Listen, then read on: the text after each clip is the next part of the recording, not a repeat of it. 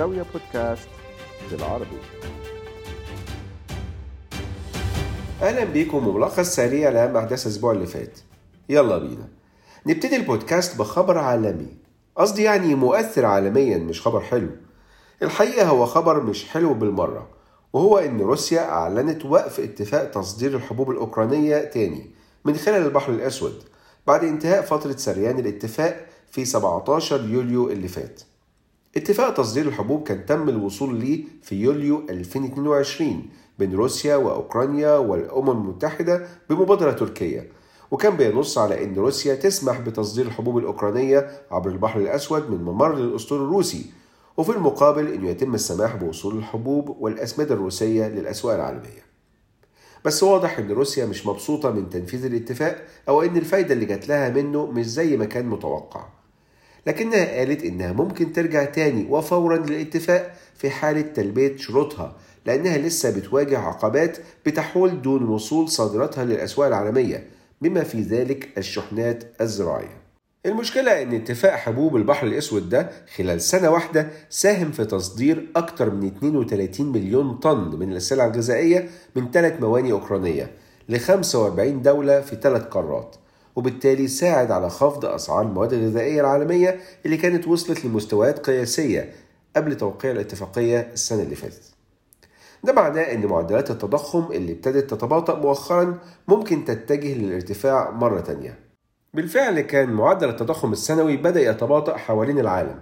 الأسبوع اللي فات اتكلمنا عن الولايات المتحدة اللي معدل التضخم فيها انخفض من 4% في مايو ل 3% في يونيو. والأسبوع ده معدل التضخم في بريطانيا انخفض هو كمان من 8.7% في مايو ل 7.9% في يونيو. وده انخفاض بوتيرة أكتر من اللي السوق كان متوقعها.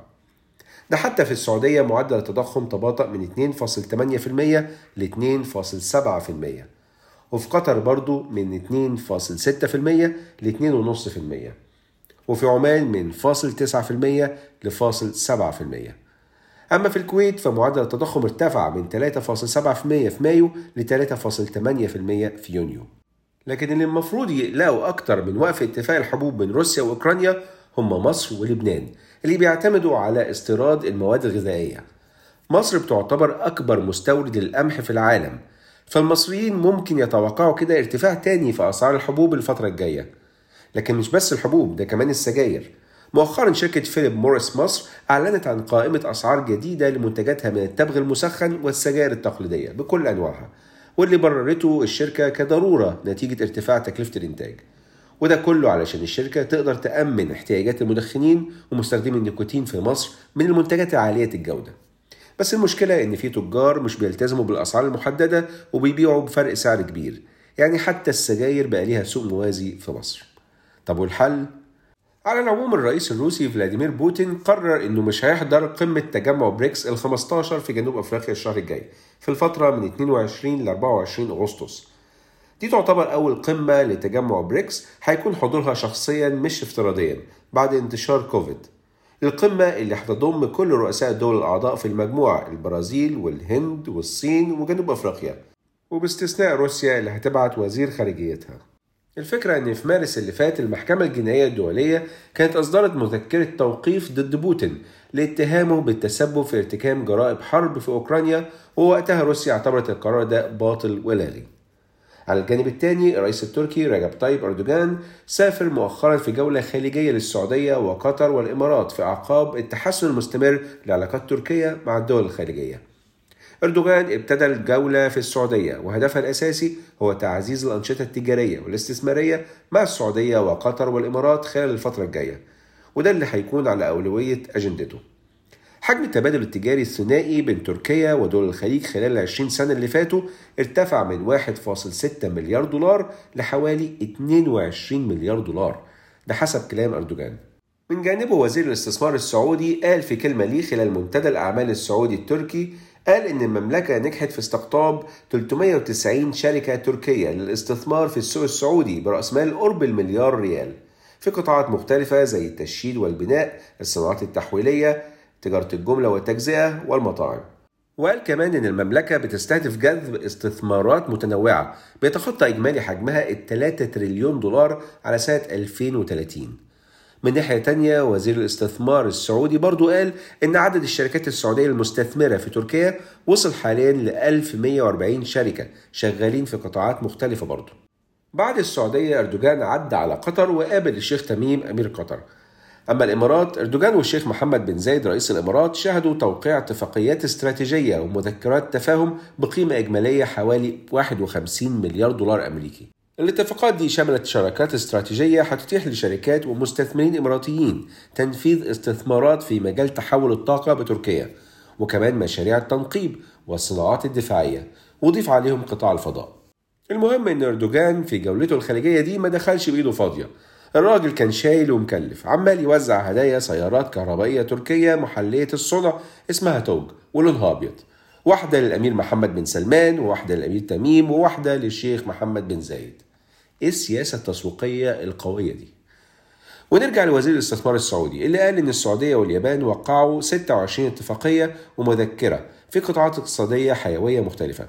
كل ده خلال زيارة رئيس وزراء اليابان فوميو كيشيدا للسعودية في بداية الأسبوع اللي فات ضمن جولة شرق أوسطية برضو كانت بتشمل الإمارات وقطر. والهدف تعزيز التعاون وتأمين إمدادات طاقة مستقبلية لليابان اللي بتفتقر للطاقة. اليابان هي ثالث أكبر شريك تجاري للسعودية اللي هتكون المورد الأساسي للطاقة النظيفة في اليابان اللي بتسعى بدورها للوصول للحياد الكربوني على سنة 2050 ومن ضمن الزيارات اللي تمت خلال الأسبوع اللي فات كانت زيارة رئيس وزراء العراق محمد شياع السوداني لسوريا. لا السوداني ده لقب مش جنسية. الزيارة تعتبر أول زيارة رسمية لسوريا من رئيس وزراء عراقي من أيام اندلاع الحرب في سوريا في 2011 والهدف تعزيز التعاون الثنائي في التبادل التجاري والنقل والصناعة. ونروح لتونس اللي أخيرا وصلت لاتفاق. لا مش اتفاق مع صندوق النقد الدولي الاتفاق كان مع الاتحاد الأوروبي اللي وقعت معاه مذكرة تفاهم لشراكة استراتيجية وشاملة واللي من خلالها الاتحاد الأوروبي هيقدم حزمة قوية وسريعة وبناء على خمس أساسيات. واحد خلق فرص للشباب. اثنين بناء اقتصاد قوي. ثلاثة جذب استثمارات للقطاعات الرئيسية. أربعة الشراكة في الطاقة النظيفة. خمسة والتعاون بفعالية أكثر فيما يتعلق بالهجرة. آه قلت لي بقى الهجرة غير النظامية طبعا. بالفعل الشراكة مع الاتحاد الأوروبي بتتضمن اتفاقات لتعطيل المهربين والمتاجرين بالبشر وتعزيز السيطرة على الحدود وتحسين إجراءات التسجيل والعودة. كل ده لكبح الهجرة غير النظامية. طب سريعا كده. اقتصاد البحرين حقق نمو 2% في الربع الأول 2023 نتيجة نمو القطاع غير النفطي ب 3.5% وده اللي عوض تراجع القطاع النفطي ب 5.9% نتيجة انخفاض معدلات إنتاج النفط بسبب أعمال الصيانة الموسمية. وفي مصر وزير البترول والثروة المعدنية قال إن مصر هتستأنف صادرات الغاز على شهر أكتوبر إن شاء الله، لأن الغاز الطبيعي المسال غالبا بيستخدم محليا في فصل الصيف وده بيقلل الفائض للتصدير، لكن مع تحسن الأحوال الجوية هترجع مصر تصدر الغاز في فصل الشتاء. لكن طبعا إحنا عارفين إن انخفاض صادرات مصر من الغاز مش بس كميات ولكن أسعار بعد الارتفاع الكبير اللي شفناه في أعقاب اندلاع الحرب الروسية الأوكرانية. ونروح للبنان اللي في انتظار انتهاء فترة حاكم مصر في لبنان الحالي رياض سلامة في 31 يوليو الجاري واللي بعدها هيتم إنهاء عمل منصة صيرفة بشكل تدريجي ده حسب كلام أحد نواب حاكم مصر في لبنان المنصة اللي تم تدشينها في 2021 وقت الانهيار الاقتصادي في لبنان عانت من انعدام الشفافية والحوكمة وخصوصا مع وجود فرق بين سعر الليرة على المنصة وسعرها في السوق الموازي وده اللي أدى لازدهار السوق السوداء. المنصة هيتم استبدالها بمنصة تانية إلكترونية بتحدد أسعار الصرف بس جهات دولية متخصصة هي اللي هتنشئها. من ناحية تانية لبنان لسه ما عندوش رئيس جمهورية بقاله تسعة شهور تقريبا دلوقتي.